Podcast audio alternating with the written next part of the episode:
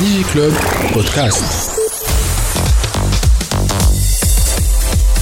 برعاية توب نت very internet people هي دي دي 7 هي الحقيقه سي لا بلاتفورم دو ديجيتاليزاسيون دو لا بوست دو بيي اون جينيرال احنا في الدي دي 7 خممنا في المواطن قلنا كيل سون سي سوسي اليوم بليزيور بيرسون يخدموا وفي بيرواتهم ويحب يبعث موندا باغ اكزومبل il peut le faire à travers des décès.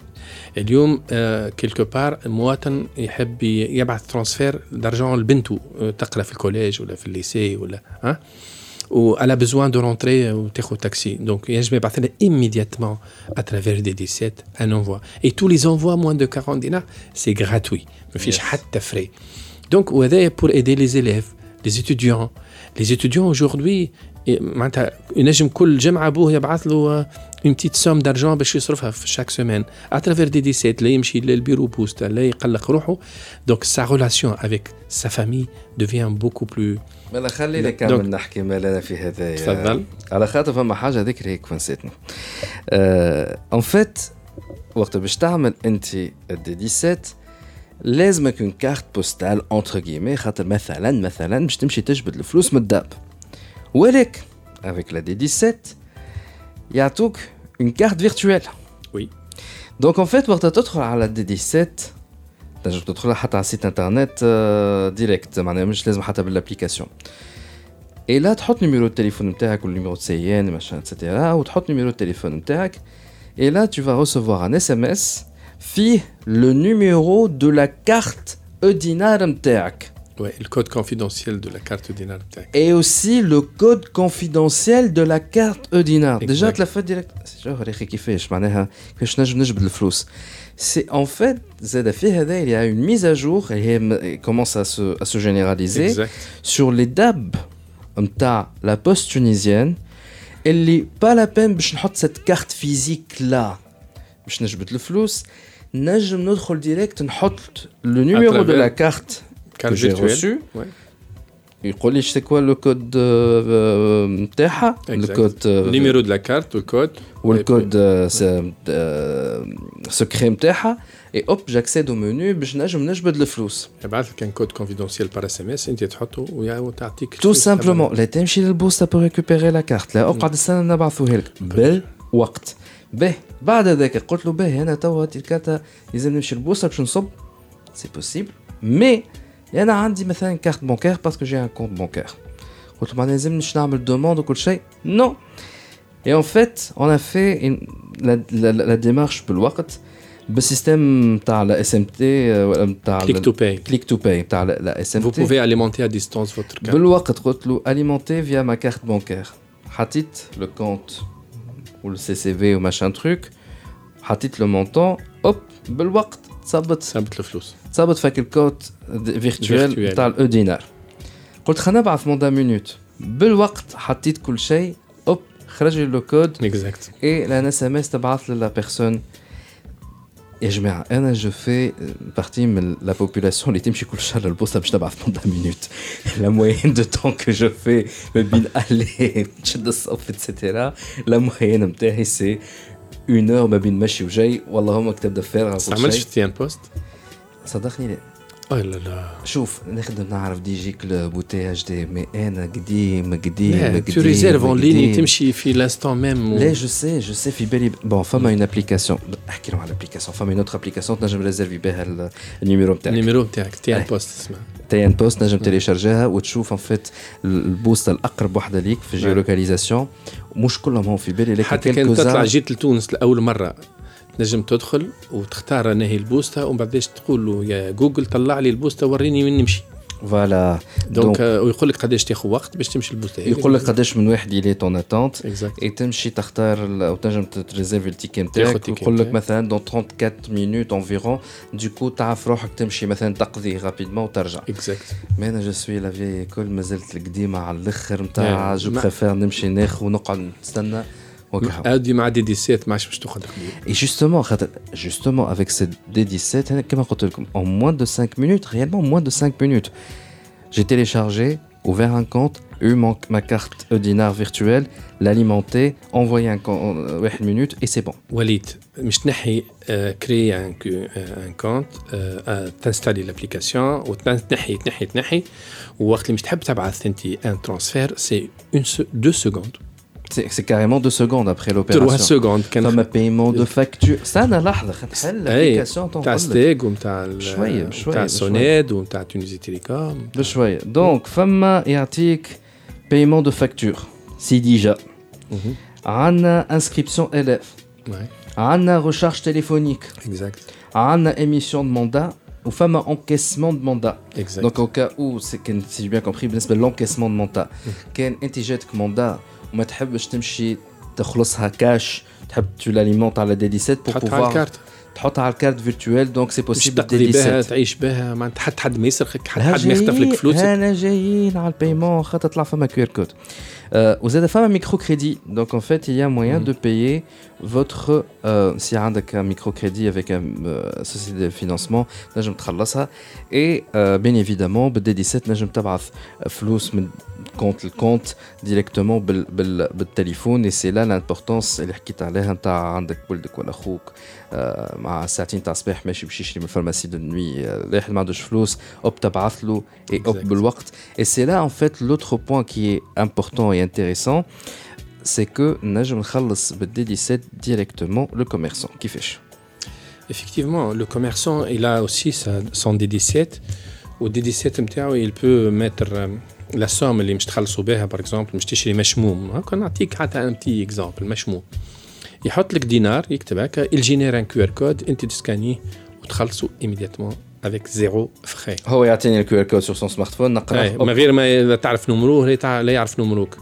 انت الفو جينير معناتها ان كيو ار كود فوالا أنا نقرا بالسمارت فون نقرا بالسمارت فون وخلصت يقول لي اسكو فو فولي دونك تجيه نوتيفيكاسيون يقول له راك خلصت سي بون يعمل له دونك هذه دون بار. دوتر بار اذا كان انت تعرفوا بعضكم يستوفي باش تبعث من الريبرتوار نتاعك راهو. أي هذه الحاجة الأخرى وراها لي خاطر أنا ما- ما ما جربتهاش. أنا بعثت لك أنت قلت لك كيفاش بعثت لي. قلت لك يا وليد ما عندي نمروك جي مي طون نيميرو دو تليفون بعثت لك على الواليت نتاعك فلوس. Euh, elle m'a fait un transfert directement بعد ما téléchargé l'application. وهو ما يعرفش ما عطيتوش النيميرو ولا يحزنون ديريكت l'application قالت له شكون تحب تبعث في الريبرتوار يا تعمل سي تو سيزي ولا تعمل ريبرتوار ريبرتوار دخلت الريبرتوار. دخل الريبرتوار شاف الواحد اوب automatiquement le numéro et hop ça m'a transféré. وي باش ترجعهم لي تري بيان حتى عندي سؤال. نحكيو على حكاية ترانسبور بوبليك وي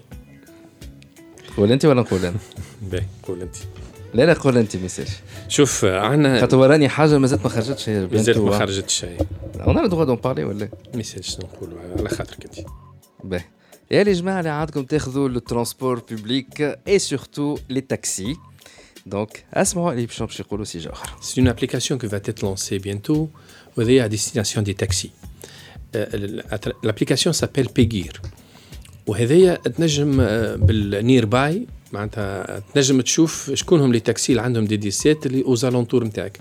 آه، تلقى تصويرته تشوفها تنزل على تصويرته تدخل ان كونتاكت معاه ديريكتومون تبعث له اس ام اس من غير اس ام اس تبعث له ان بتي ميساج ميساجري ميساجري انترن انستونتاني انستونتاني تقول له راني أنا في البلاصة الفلانية نحبك تتعدى ناخذك آه، معناتها ناخذ تاكسي. اي دوكو ينجم يجيك ايميدياتمون وبعدش تخلصوا بالكيو آر كود تو سامبلومون تو سامبلومون هذايا سي ان كور دو دو دو بريباراسيون باش تخرج أم، سالته سؤال على حكايه اوسي لي زونتربريز et notamment donc les startups, voilà, les entrepreneurs, etc.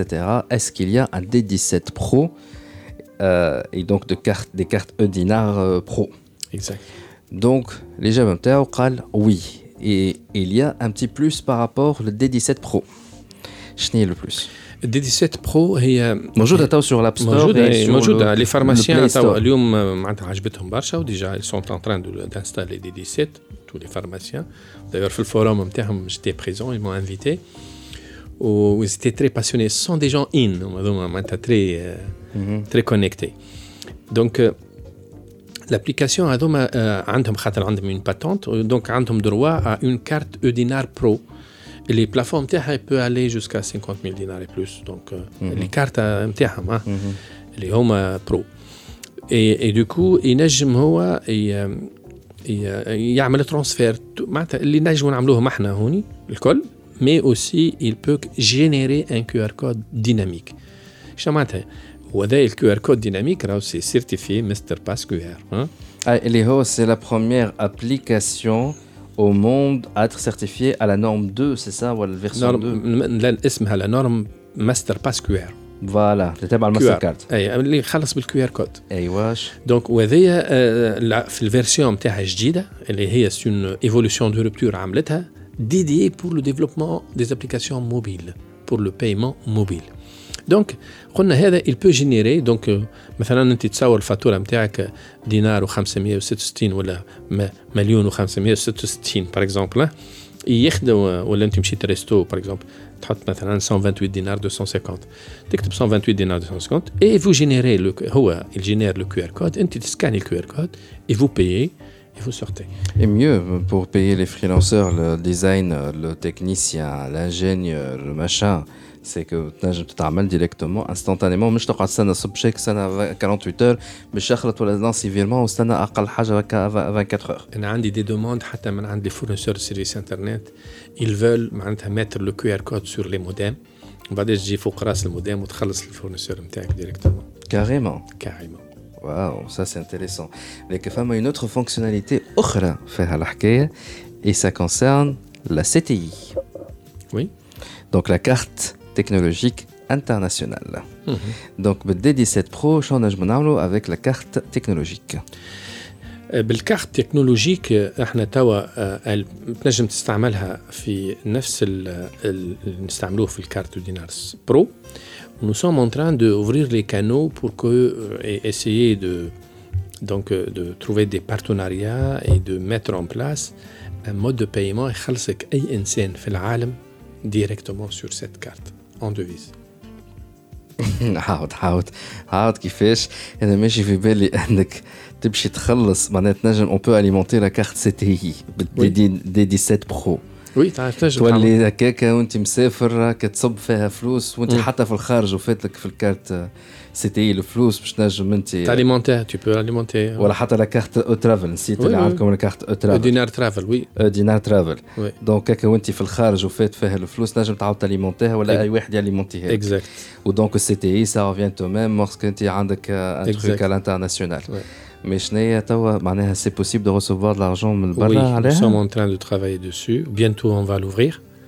Euh, معناتها تنجم tu peux percevoir euh, لارجون تاع l'argent نتاعك si tu es freelancer آه، مع واحد تخدم مع واحد على l'étranger نجم يخلصك مش نقعد سنه لو يستنيون انهم يحزنون اوكي وين موجوده قلنا دونك في الابل ستور والاب ستور والبلاي ستور موجودين موجودين partout. سي دي 17 برو اسمها Non, non, c'est D17 tout court. أما هو il t'identifie en fonction de ta carte. معناها انا توا خليك شنو الابليكاسيون تكتب تيليشارجيتها D17 وكا سي ترو اي فاسيل. معناها من- انا كيفاش لوسك جو سوي برو آه، نحب ن- مثلا توا باسمي انا وليد نفاتي عملت لا كارت اودينار برو الاودينار هذا الفيرتوال فيا Mhm. الدي 17 Oui. si je suis une entreprise je dois contacter la poste avant فما ال- تطلب ال 1828 باغ مهم. اكزومبل تقول لهم انا راني آه، آه، برو ونحب تبعثوا لي باك بروفيتي ديسي لا فان دو لاني راهو لو باك اي غراتوي Pack pour avoir quoi exactement يجيك توت ان باك فيه ان كيو ار كود اللي تحطه على الكونتوار كان على باش تعمل- البلكسي جلاس وتحطه كذا وعندك كارتة معاها او دينار برو اللي هي نورمالمون تسوى 15 دينار بلوس البلكسي جلاس بلوس لو كونترا ويجيك ان بوستيي ويفوز انستال لو تروك ويقول لك فيليسيتاسيون فوز félicitations, vous avez essayé, vous êtes aujourd'hui opérationnel. Ou D17, l'application doit les connecter. Impostir. Hein. Logique chez vous. Et, et, là, le D17, en fait, euh, je télécharge, je lui indique que j'ai une carte déjà Dinar Pro. Huawei t'arrive l'application et automatiquement. Exact. Et hot la version euh, Pro. Ben, il faut appeler donc quel numéro exactement pour avoir ce pack pro qui est 18, gratuit en promotion jusqu'à la fin de عندك l'année 18 28 وفما حاجه اخرى لو تليفون ارابل اذا كان تعرف عندك اي واحد اي واحد بوستاجي il va vous servir تمشي لاي بوسطه كان تعرف الشيف دو بيرو اوسي il va vous servir avec beaucoup d'amour اذا كان تاع اي معناتها tous les canaux sont bons l'essentiel profitez de ça رانا عندنا cette offre من هنا لفان l'année Ben, Mais que c'est une offre promotionnelle, allez-y, si vous êtes des professionnels, ça vous aidera énormément, surtout si vous avez une CTI, c'est excellent. La question,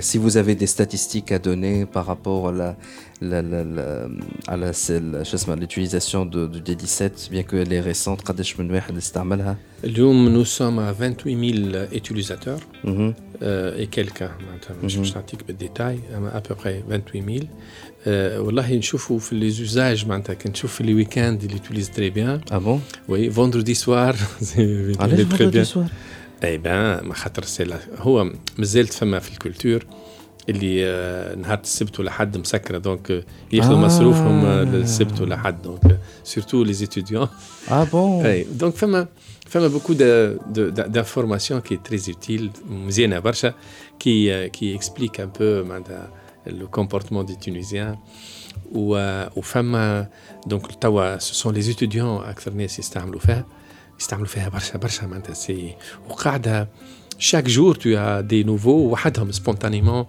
il évolue d'une manière exponentielle donc ممكن ياسر نخلطوا آه، jusqu'à 500 000 utilisateurs Ça c'est excellent. Digi Club Podcast برعاية Topnet, very internet people.